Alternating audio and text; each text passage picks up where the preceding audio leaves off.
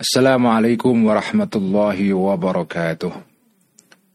Bismillahirrahmanirrahim. Alhamdulillahi rabbil alamin wassalatu wassalamu ala asyrafil anbiya'i wal mursalin sayyidina wa habibina wa maulana wa qurrati a'yunina Muhammadin wa ala alihi wa ashabihi ومن تبعهم بإحسان إلى يوم الدين رب اشرح لي صدري ويسر لي أمري واحلل عقدة من لساني يفقه قولي رب زدنا علما وارزقنا فهما آمين يا رب العالمين Amma ba'du Teman-teman semua Mari kita ngaji kitab Ihya Malam ini seperti biasa Setiap malam Jumat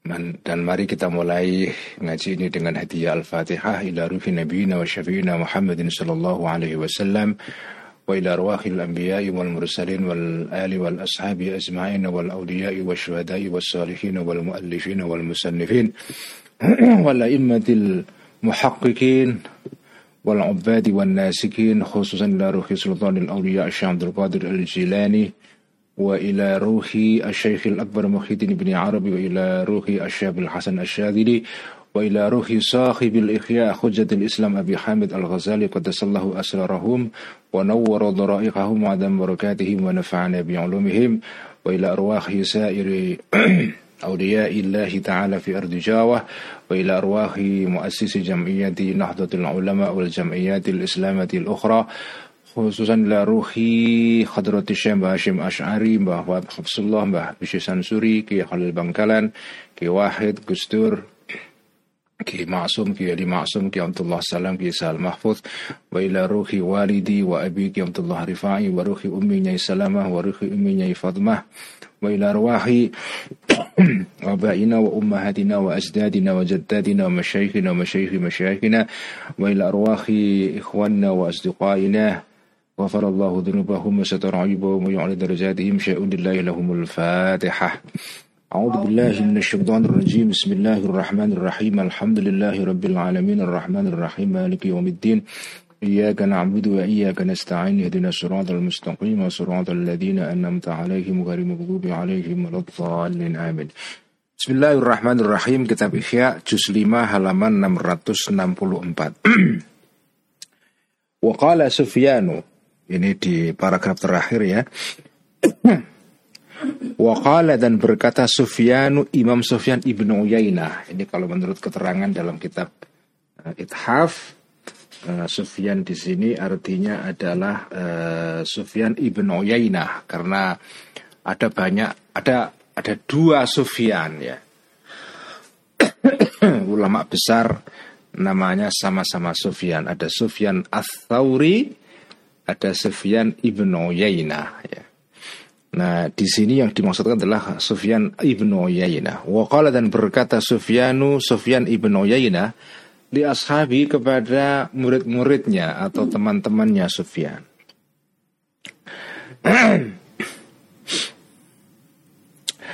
Atadruna apakah mengetahui kalian ma apakah arifku itu yang disebut dengan arifku, kehalusan, kelembutan, keramahan. Kalian tahu apa itu definisi atau kelembutan itu apa sih? Ini kan babnya mengenai bab kelembutan ya. Salah satu sifat dan akhlak yang terpuji yang dianjurkan kepada kita untuk me meneladani ya menjalankan dan mempraktekkan dalam kehidupan sehari-hari, sifat seorang muslim adalah rifkun. Dan Allah itu disebut sebagai maha rofik, maha lembut dan maha halus. Ya. Kalau berkata para murid-murid tadi itu, kul katakan ya Aba Muhammadin wa ya Aba Muhammad. Terangkan kepada kami, ya, apa itu rifkun. Kami nggak tahu jawabannya, wahai Kiai Sufyan ini. Kala berkata Imam Sufyan, al umur mawadhi'aha. Yang disebut dengan arifku itu adalah ini, jadi keterangan mengenai arifku itu kan banyak ya. Sebagian sudah dijelaskan dalam keterangan sebelumnya. Jadi penjelasan dan ya definisi mengenai rifkun ini berbeda-beda sesuai dengan konteksnya itu.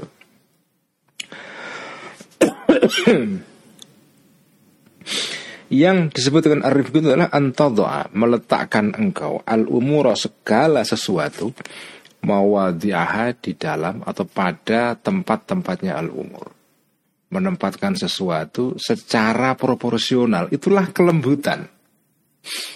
Begitu orang itu jomplang, tidak proporsional, pasti itu hasilnya itu tidak lembut, tidak halus, tidak membuat kita nyaman. Karena sesuatu itu kan kalau nggak lembut, tidak halus itu kan nggak enak. Itu kayak jalanan itu kalau nggak halus itu kan gergel-gergel gerunjalan itu nggak enak. Naik mobil apalagi mobilnya mobil mobil tua itu. Jalannya jalan yang gerenjal-gerenjal dan gerunjal-gerunjal itu. Ya pasti tidak enak karena tidak halus. Jadi sesuatu itu kalau nggak halus itu tidak enak itu. Tidak enak, keras itu. Nah, kelembutan itu artinya apa? Proporsional. Jadi being proporsional itu adalah itulah kindness, itulah apa ya? Itulah uh, softness ya. Kelembutan itu artinya sampai proporsional. Asyiddata meletakkan kekerasan fi maudhiha di dalam tempatnya syiddah. Jadi nggak nggak lembut itu tidak artinya terus selamanya jenengan itu lemah lembut, tidak tidak tegas dan keras itu. Kadang-kadang kekerasan diperlukan. Kalau memang memang menuntut kekerasan, keadaan menuntut kekerasan ya kita syiddah. Walina dan meletakkan kelembutan jadi lembut di sini hanya ke lembut dalam pengertian spesifik ya. Karena kata rifkun itu lembut yang mencakup keras dan lembut sesuai dengan konteksnya. Nah, alin di sini lembut dalam konteks yang spesifik itu lembut yang memang keadaannya menuntut lembut. Itu namanya alin ya. Walina dan meletakkan alin kelembutan fi di dalam tempatnya alin. Wasaifatan meletakkan pedang Bimauzi di dalam tempatnya pedang. Kalau memang kondisinya menuntut perang ada adu pedang, ya dilayani. Tidak pada saat jenengan perlu menghunus pedang terus ngelentere tidak mau melawan. Nah, itu namanya bukan kelembutan itu. Karena itu kelembutan yang yang tidak proporsional. Itu bukan rifkun itu. Wasauto dan meletakkan pecut atau cemeti apa pecut itu ya. cambuk ya. Wasauto dan cambuk fi maudhi di dalam tempatnya cambuk. Kalau butuh cambuk ya dicambuk, butuh pedang ya pedang. Butuh roti ya kasih roti. Butuh uh, apa namanya? Butuh apa namanya sebaliknya apa carrot itu apa namanya uh, wortel. butuh wortel ya kasih wortel itu. Kalau butuh uh, cemeti atau cambu. ya cambu itu. Jadi stick and carrot itu dalam bahasa Inggrisnya kan istilah uh, idiomnya kan begitu kan. Idiomnya adalah stick and carrot ya. Yaitu cambuk dan wortel jadi ada kalanya situasi itu situasi cambuk. Ya dicambuk. Ada situasi-situasi wortel ya dikasih wortel. Lah orang situasinya wortel dengan pakai cambuk atau situasinya cambuk dikasih wortel. Nah, itu namanya bukan rifkon itu karena itu tidak seimbang. Wahadhi dan ini kalimat ini tadi itu dari Sufyan ibnu Uyainah itu isyaratun isyarat atau petunjuk ila annahu bahwa sesungguhnya keadaan berikut ini damir sya'an la buddha tidak bisa tidak min masjil ghilzati untuk mencampur mengaduk ya kekerasan atau kekasaran bil ini dengan kelembutan. Jadi kekasaran itu kadang-kadang diperlukan juga kelembutan diperlukan juga. Jadi diaduk, diadonkan, diadoni dua-duanya itu dicampur sesuai dengan ya dengan dosisnya. Wal fadzati dan kekasaran birifki dengan kelembutan sama artinya kamakila sebagaimana diucapkan dalam sebuah syair yaitu syair atau syair yang merupakan gubahan dari seorang penyair besar namanya Al-Mutanabbi ya. Wa wad'un nada fi mawdhi'is sayfi bil ula mudirrun ka wad'is sayfi fi mawdhi'in nada. Ini baharnya tawil ya. Tawilun lahu dunal buhuri fadailu Fa'ulun mafa'ilun Fa'ulun mafa'ilu Wa wad'un Itu lagunya begitu kalau ala pondok pesantren ya. Lagunya banyak sih tapi uh, Wazannya atau ketukannya tadi itu. Mafa'i Fa'ulun mafa'ilun fa'ulun mafa'ilu. Wad'un nada fi mawdhi'i sayfi bil ula. Mudirrun ka wad'i sayfi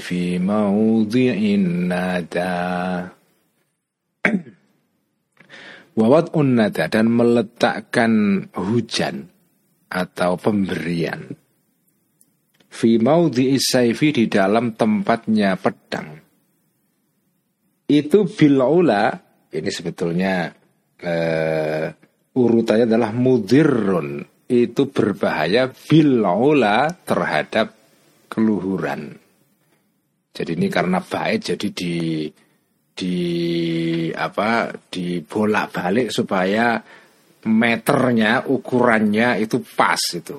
Karena syair tradisional itu kan syair yang mengikuti tata cara tertentu. Kalau jenengan misalnya ubah susunannya ya itu jadi kacau wazannya atau lagunya itu. Guru lagunya jadi nggak enak itu.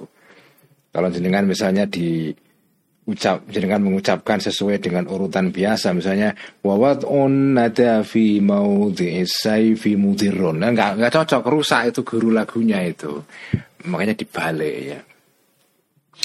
Mudirun itu berbahaya bil terhadap keluhuran. Sebagaimana analoginya kawat isaifi seperti meletakkan pedang fi nada di dalam tempatnya hujan. Saatnya jenengan memberi ya hujan macam hujan itu memberi ya. Saatnya jenengan itu memberikan reward jenengan hukum pakai pedang. Atau saatnya menghukum sampai kasih reward, sampai kasih wortel. Ah itu nggak cocok itu. Itu namanya sungsang atau apa namanya? uh, campur aduk. Jadi jadi ya membingungkan. Fal mahmudu maka yang dipuji adalah wasatun tengah-tengah bainal lini di antara lembut wal unfi dan kekerasan, kelembutan dan kekerasan. Kama sebagaimana ukuran atau sesuatu fi ke keadaan visa iril akhlaki di dalam semua akhlak yang lain itu sebaiknya adalah tengah-tengah. Karena akhlak itu intinya tengah-tengah. Itu teori Al-Ghazali itu akhlak itu intinya tengah-tengah. Begitu jenengan di tengah-tengah itu pasti mahmudun terpuji. Walakin, tapi kenapa kok kan, kan di sini kan Al-Ghazali menerangkan bahwa kelembutan itu dipuji utama. Makanya bab yang kita baca sekarang ini adalah keutamaannya sifat lembut seolah-olah kelembutan tok itu yang dipuji. Padahal kan enggak, di sini dikatakan ya kelembutan itu diperlukan, kekerasan juga diperlukan. Kenapa kok yang ditekankan hanya kelembutan saja di sini?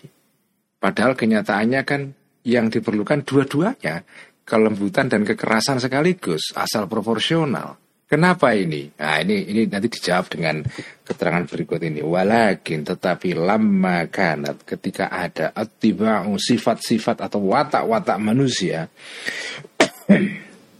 ilal khiddati kepada kepada kekakuan wal unfi dan kekerasan amiyala lebih condong. Orang itu kalau diajak melakukan kekerasan seneng itu netizen itu kalau ada orang tengkar itu seneng banget, orang usah disuruh seneng banget itu.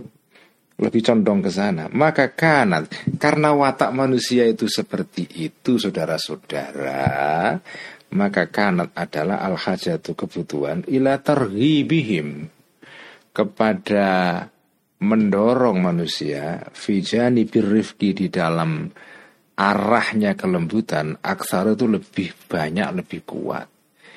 Karena kalau tidak dimulai dengan keterangan tentang kelembutan itu berat itu. Karena manusia itu secara alamiah cenderung senang kekerasan karena itu keterangan atau bab ini ini uh, dijuduli keutamaannya kelembutan sebagai counterbalance penyeimbang terhadap kecenderungan alamiah manusia yang suka kekerasan itu. Walidhalika maka karena itulah karena uh, karena apa itu kaunut tiba amyal atau amyala ilal khiddah wal unaf maka kasura banyak. Sana usyara'i pujian agama ala janibir rifki terhadap arahnya kelembutan. Dunal onfi bukan kekerasan. Kekerasan nggak pernah dipuji dalam agama. Meskipun itu kadang-kadang atau dalam proporsi yang proporsional ya dibutuhkan itu. Wa ingkana walaupun ada al onfu kekerasan fi mahalli di dalam tempat dan konteksnya kekerasan itu kalau dibutuhkan kalau pas makomnya memang makom kekerasan ya hasanan jadi baik dia. Kama anna sebagaimana sesungguhnya kelembutan fi mahalli di dalam tempatnya rifkun itu hasanun baik karena proporsional. Faidah karena maka jika ada al wajibu adalah yang wajib jika suatu kondisi tertentu mengharuskan itu menanya al wajib huwa atau huwa adalah al wajib ini al unfa adalah kekerasan ya. uh, dua wafaqa maka telah me, mencocoki men, maka telah sesuai ya, al haku kebenaran al hawa hawa nafsu. Kalau kondisinya lagi butuh kekerasan ya memang alhamdulillah. Jadi di situ memang kebenaran sesuai dengan ha, syahwatnya manusia. Ya sama dengan inilah. Makan itu kan syahwat ya kan? Makan itu syahwat itu kesukaan manusia itu ya makan. Tapi kalau jenengan makan itu pada saat buka puasa itu syahwat dan kebenaran bertemu di situ. Ah, enak di situ. Buka puasa itu disunahkan dalam agama. Selain disunahkan itu juga hasrat dan syahwat manusia. Yang paling enak memang begitu itu. Kalau syahwat dan agama cocok gitu. Jadi kekerasan karena dibutuhkan jadi ya itu jadi benar menurut agama dan sekaligus itu disukai oleh syahwat manusia. Jadi enak tapi kan tidak semua situasi itu begitu seperti itu. Ya, kadang-kadang antara kebenaran dengan syahwat itu bercerai. Kadang bertemu, kawin, kadang bercerai. Kalau lagi kawin enak, cerai tidak enak itu. Wahua dan hawa ya itu aladzu itu lebih enak, lebih lezat ya. Uh, minas zubdi daripada apa itu uh, zubtun itu susu ya susu yang sudah menjadi apa namanya ya menjadi yogurt itu ya. Itu seperti semacam yogurt lah ya. Uh, apa itu uh, bisyahdi dengan apa namanya dengan madu ya. dengan madu itu jadi kalau hawa nafsu itu ya hawa nafsu itu enak banget memang. Ya. Enak banget itu. Hakada seperti inilah Kala mengatakan hu kepada kata Amr bin Umar bin Abdul Aziz Khalifah Umar bin Abdul Aziz Rahimahullah ya. Inilah pernyataan dari Khalifah Umar bin Abdul Aziz Ruya diriwayatkan anna Amr bin Al-Asi sesungguhnya Amr ibn Al-As ya. Jadi dalam ilmu imla, ilmu mengenai cara tulis menulis dalam bahasa Arab. Kalau kata Umar tidak ada wawu setelah ro, itu bahasanya Umar. Ya, Umar. Tapi kalau setelah ro ada wawu itu bahasanya amrun. Ya. Jadi membedakan antara Amr dengan Umar adalah kalau Umar setelah ro tidak ada wawunya. Tapi kalau setelah ro ada wawunya maka bacaannya Amrun. Itu namanya ya ini ilmu imla, ilmu tentang tata cara menulis kalimat-kalimat tertentu dalam bahasa Arab. Jadi jadi ahli tulis dalam bahasa Arab itu punya kebiasaan-kebiasaan tertentu ya. Salah satunya ini. Jadi kalau ini bacanya Amr karena setelah roh ada wawunya. Ruya diriwayatkan anna Amr bin al-As sesungguhnya sahabat Amr bin As ini sahabat yang merupakan jenderal perang yang memimpin apa penaklukan pasukan-pasukan muslim yang menaklukkan Mesir pada zaman eh, apa itu Sayyidina Umar dan kemudian diangkat menjadi gubernur di sana. Jadi ini gubernur ini ini panglima perang dan sekaligus gubernur yang sangat populer dan ya sangat dihormati karena dia menguasai daerah yang sangat luas sekali dan makmur ya, yaitu Mesir itu. Nah ini suatu ketika Amr bin Al-As ketika menjadi gubernur kata ba kata menulis Amr bin As ila Muawiyah terhadap Khalifah Muawiyah bin Abi Sufyan yang merupakan pendiri daulah uh, Umayyah yang berpusat di Damaskus atau Syria. Yu'atibu jumlah haliyah dalam keadaan me, apa ya mengkritik ya atau maidu dalam bahasa Jawa itu maidu maidu itu apa ya? Ma, mencela. Ah, yu'atibu mencela. Ini kalau nggak ada Mbak Admin saya kadang-kadang lupa itu beberapa kosakata dalam bahasa Indonesia itu. Yu'atibu dalam keadaan mencela Amr bin As ini Hu terhadap Muawiyah Fitaan ini di dalam sikap hati-hati atau Atau alon-alon itu Kalau dalam bahasa Jawa itu alon-alon Pelan-pelan. Jadi Amr bin As ini karena jenderal perang Jadi wataknya itu ya Kepenginnya sat sat sat sat sat, sat gitu loh. Nah suatu ketika Khalifah Muawiyah ini ketika mengambil keputusan tuh lama taani itu ya kok nggak cepat-cepat segera diambil keputusan itu? Lalu dia mencela ini gimana sih khalifah ini? Kok nggak cepat-cepat ngambil keputusan ini? Ini jenderalnya udah nggak sabar ini ya ada masalah yang mendesak kok nggak segera diambil keputusan ini ya maka apa maka menulislah Muawiyah ilaihi kepada Amr ibn al-As maka maka menulis ya, ilahi kepada Amr bin As Muawiyah itu Sayyidina Muawiyah. Menulis surat balik ya. Menjelaskan. Lalu isi surat itu setelah mukaddimah Alhamdulillah segala macam Amma ba'du nah, Adapun setelah pembukaan tadi ini suratnya ini ada pembukaannya ini tapi dipotong oleh Al Ghazali karena nggak relevan nanti kepanjangan langsung kepada inti masalahnya saja. Fa inna tafahuma bahwa sesungguhnya bahwa sesungguhnya kemerdekaan itu adalah kira-kira begitulah ya. Fa inna tafahuma maka sesungguhnya memahami secara mendalam. Jadi tafahum itu dalam bahasa Arab mengikuti wazan tafa'ala. Tafahama ya kata kerja yang mengikuti pola tafa'ala seperti tafahama itu maknanya banyak. Salah satu kemungkinan maknanya adalah litakalluf ya. Litakalluf mengandung usaha yang lebih. Itu namanya takalluf. Jadi tafahum itu tidak sekedar paham tapi berusaha paham dengan mendalam. Itu namanya takalluf ya.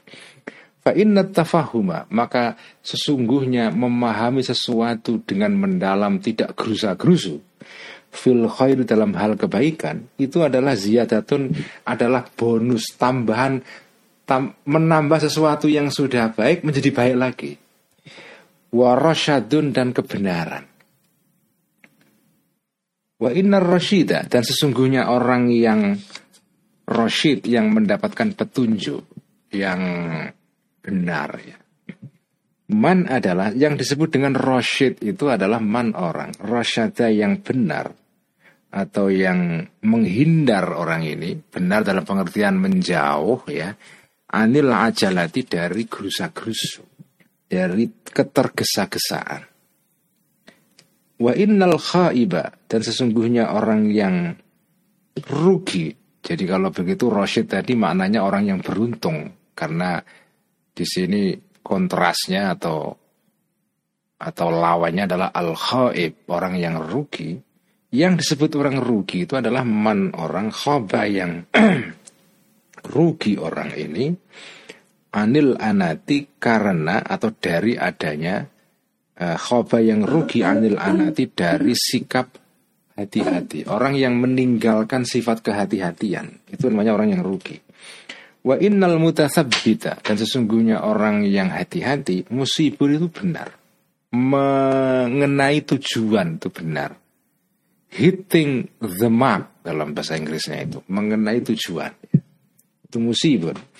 Aukada atau hampir-hampir an yakuna ada orang yang mutasabit itu musibah benar. Kalaupun dia tidak mengenai kebenaran ya nyaris mengenai kebenaran. Tapi nggak mungkin salah kalau orang hati-hati. Wa annal mu'ajjila dan sesungguhnya orang yang tergesa-gesa itu muhtiun biasanya salah sasaran. Nggak mengenai sasaran artinya salah. Aukada atau hampir-hampir an yakuna ada mu'ajjil ini muhtian salah sasaran hampir-hampir. Wa innaman dan sesungguhnya orang layan fa'u yang tidak memberikan manfaat atau tidak bergunahu kepada man ini arifku sifat halus. Yadur akan berbahaya, akan membahayai, mencelakaihu kepada man ini al sifat tadi itu kebodohan karena ketergesa-gesaan ya orang yang tidak mampu meraih manfaat atau uh, tidak meraih apa namanya uh, keuntungan dari sifat rifkun biasanya ya udah dia akan tertimpa penyakit hurkun ke, kebalikan dari rifkun yaitu kebodohan yang timbul karena karena ke apa namanya gerusa-gerusu karena ketergesa-gesaan ya, tanpa berpikir panjang.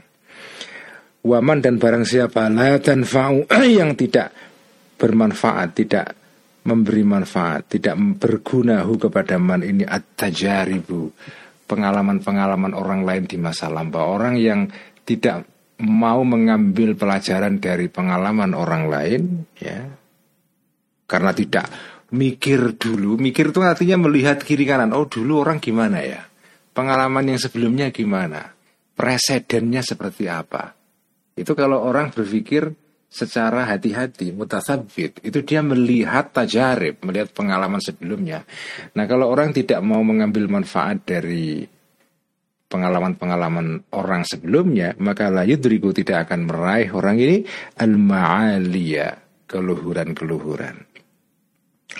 Wa an Abi Aunin al-Ansari dan dikisahkan dari Abi Aun al-Ansari Al-A'war Asyami ini kalau dalam kitab Ithaful Ithafus Sada al-Muttaqin syarahnya Ihya diterangkan bahwa ini salah satu rawinya Imam Nasai salah satu uh, rawi hadis yang terkenal yang mempunyai kitab Sunan An-Nasai ya.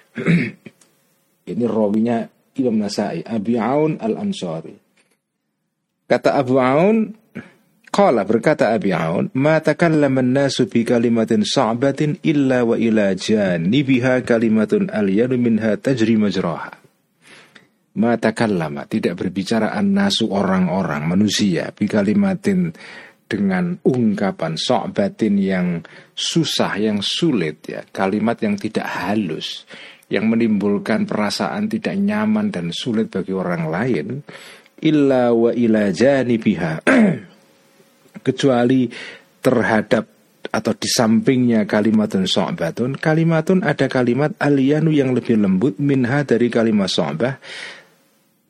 Tajri yang berfungsi kalimat yang kedua ini yang lebih halus majroha sebagaimana fungsinya kalimat soba.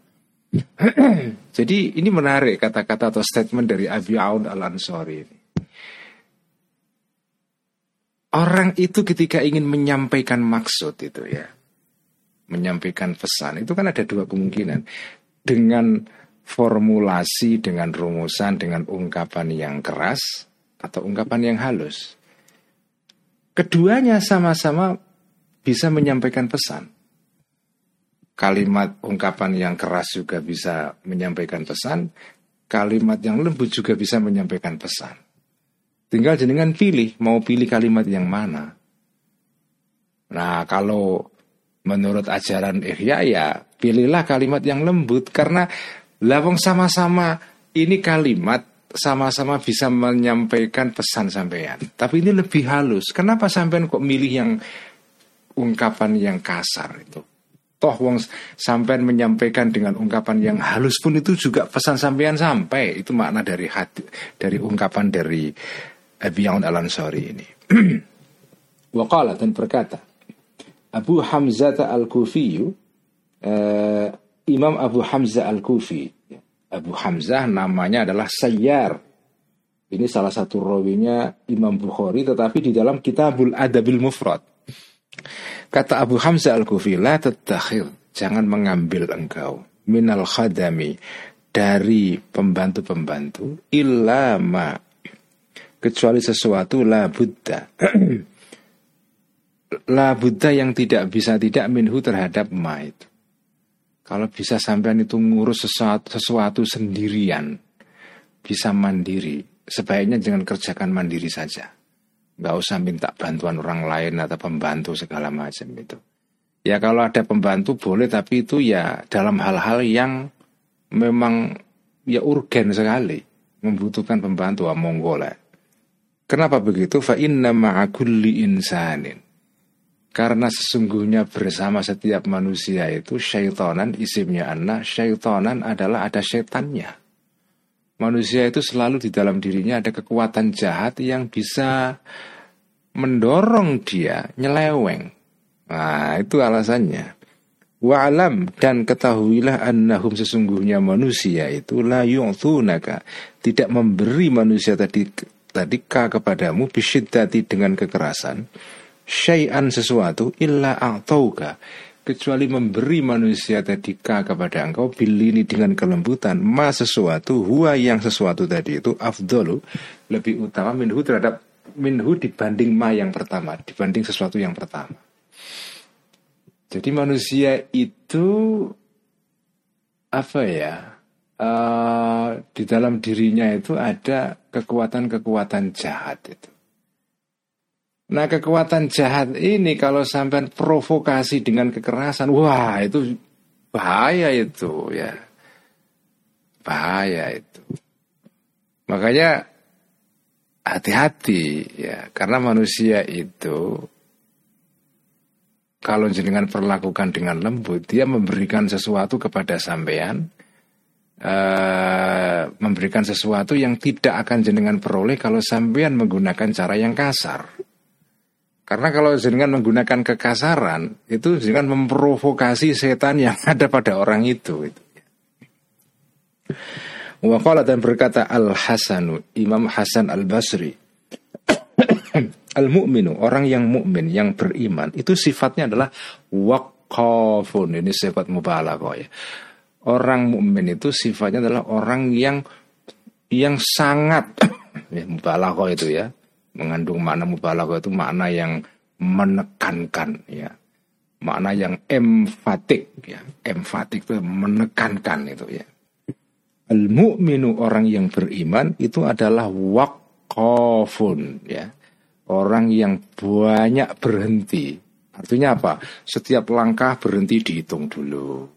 Setiap langkah berhenti dihitung dulu. Terus berusaha gerusu terus langsung menghambur begitu saja tanpa ada refleksi, dipikir dulu, berhenti sebentar, jeda uh, sejenak ya. Atau jeda sejedak. ya itu wakafun ya. muta'annin orang yang hati-hati ya yang apa tidak gerusa-gerusa muta'annin hati-hati walaisa dan tidak ada orang yang mukmin. Itu sifatnya orang mukmin itu adalah laisa tidak ada kahati bilailin seperti orang yang mencari kayu di tengah malam. Kahati bilailin seperti orang yang mencari kayu di, di tengah malam. Jadi jangan kalau nyari kayu di tengah di hutan di tengah malam, apa yang terjadi? Sampai ngambil sembarangan aja kan? Karena nggak ngerti yang sampai ambil ini kayu yang layak untuk untuk kayu bakar atau tidak. Ya. Emang nggak tahu dia ambil ambil ambil aja ada nggak nggak dipikir itu ngawur lah. Orang yang mukmin itu tidak orang yang ngawur seperti orang yang nyari mencari kayu di tengah malam hati bilailin sebaliknya orang mukmin sifatnya adalah waqafun muta'annin ya. Ini ingat-ingat ya ini bisa jadi kutipan yang bagus ini. Al mukminu waqafun orang mukmin itu orang yang selalu sering berhenti untuk refleksi. Bukan untuk pijat refleksi ya, untuk refleksi, untuk berpikir, evaluasi, di apa ya, direnungkan dulu sebelum bergerak ke langkah berikutnya. Fahada maka ini semua adalah sana'u ahli ilmi. Dalil-dalil tadi yang sudah diterangkan tadi itu adalah Sana'u ahli ilmi adalah pujian orang-orang yang punya ilmu Ala rifki Terhadap sifat arifku kelembutan. Wadhalika dan tadi itu yaitu sana tadi li'annahu karena sesungguhnya rifkun itu mahmudun dipuji wa mufidun dan berguna fi aktsaril ahwali di dalam sebagian besar keadaan keadaan wa aglabil umuri dan di dalam uh, di dalam ya sebagian besar perkara-perkara wal hajatu dan kebutuhan ilal unfi kepada kekasaran diakui benar kota kau kadang-kadang terjadi hajat itu. Tapi dalam keadaan normal itu yang dibutuhkan adalah kelembutan. Karena itu yang dibahas kelembutannya. Jadi nggak usah ada bab tentang keutamaan kekerasan itu orang sudah kekerasan sendiri suka itu karena itu bagian dari kecenderungan alamiah manusia. Jadi nggak perlu pembahasan khusus. Yang perlu pembahasan khusus itu adalah tentang keutamaannya kelembutan. Karena manusia pada dasarnya itu nggak suka yang lembut-lembut itu. Sukanya itu wah gerusa-gerusu. Pokoknya kalau bisa segera. Itu ya. Ah, khuliqal insanu min ajalin. Ya. Wa kadal insanu ajula. Itu dalam Quran ditegaskan begitu. Wa kanal insanu ajula manusia itu memang selalu kecenderungannya tergesa-gesa. Walakin ala nudur tetapi uh, atas dasar kelangkaan. Langka sekali orang itu butuh kekerasan itu. Wa innamal kamilu dan sesungguhnya orang yang sempurna akhlaknya adalah man seseorang yumayizu yang bisa membedakan orang ini mawaki arifki tempat-tempatnya kehalusan min mawaki il unfi dari tempat-tempat yang membutuhkan kerasan dia bisa membedakan itu fayu'ti maka memberi orang ini kulla amrin setiap keadaan hakkohu haknya kulli amrin. Fa'ingkana jika ada orang tadi ya qasiral basirati lemah daya lihat batinnya atau kurang daya penglihatan batinnya itu qasir al basira au ashkal atau menjadi muskil menjadi samar tidak jelas alaihi kepada orang tadi. Hukmu waqi'atin status dari kejadian minal waqa'i dari kejadian-kejadian. Kalau jenengan tidak yakin ini sesuatu ini harus memakai pendekatan kelembutan atau kekesaran ya. Ambigu keadaannya ini nggak jelas. Fal yakun maka adalah kaidahnya adalah kalau sampean menghadapi keadaan yang membingungkan ini ini kayaknya pendekatan ke kekerasan juga bisa kelembutan juga bisa Mana yang aku pilih? Nah, dalam keadaan yang ambigu seperti itu, kaedahnya adalah fal yakun. Maka hendaklah ada mailuhu kecenderungannya orang itu ila rifki adalah kepada uh, apa itu? Apa kepada kelembutan. Fa nujha karena sesungguhnya kemenangan, keuntungan itu ma'ahu bersama ar, uh, mahu itu bersama arifku fil aktsari di dalam sebagian besar keadaan. Itu kaidahnya. Kalau jenengan bingung, udahlah pakai aja kelembutan. Jadi dengan memakai memakai pendekatan kekasaran itu kalau sudah jelas-jelas memang dibutuhkan pendekatan yang kasar. Dalam situasi normal sebagian besar yang dibutuhkan adalah kelembutan. Ya hanya saja kelembutan ini memang tidak sesuai dengan syahwat manusia itu problemnya. Jadi sudah selesai pembahasan tentang fadilatul rifki. Nanti dalam pertemuan berikutnya kita akan membahas mengenai zamul hasadi. Mencela sifat hasud atau dengki. Dengki itu, hasud itu. Ini salah satu sifat yang endemik yang tertanam dalam setiap manusia. Mari kita tutup ngaji ikhya ini seperti biasa dengan membaca sholawat tibbil qulub. Allahumma salli ala سيدنا محمد طب القلوب ودوائها. عافية الأبدان وشفائها ونور الأبصار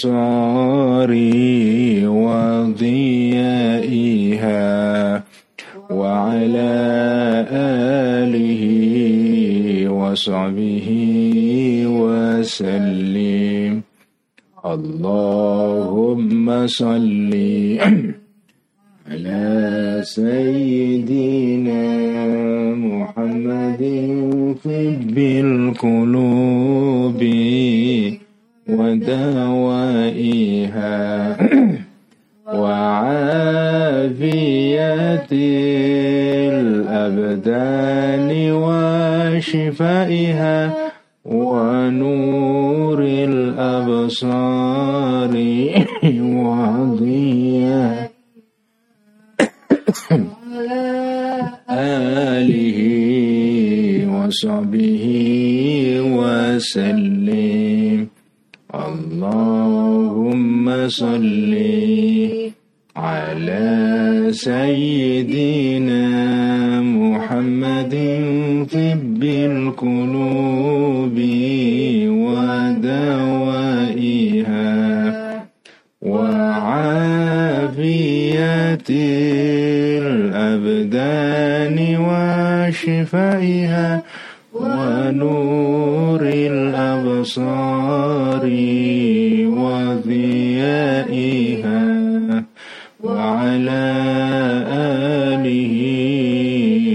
وصحبه وسلم Sekian wassalamualaikum warahmatullahi wabarakatuh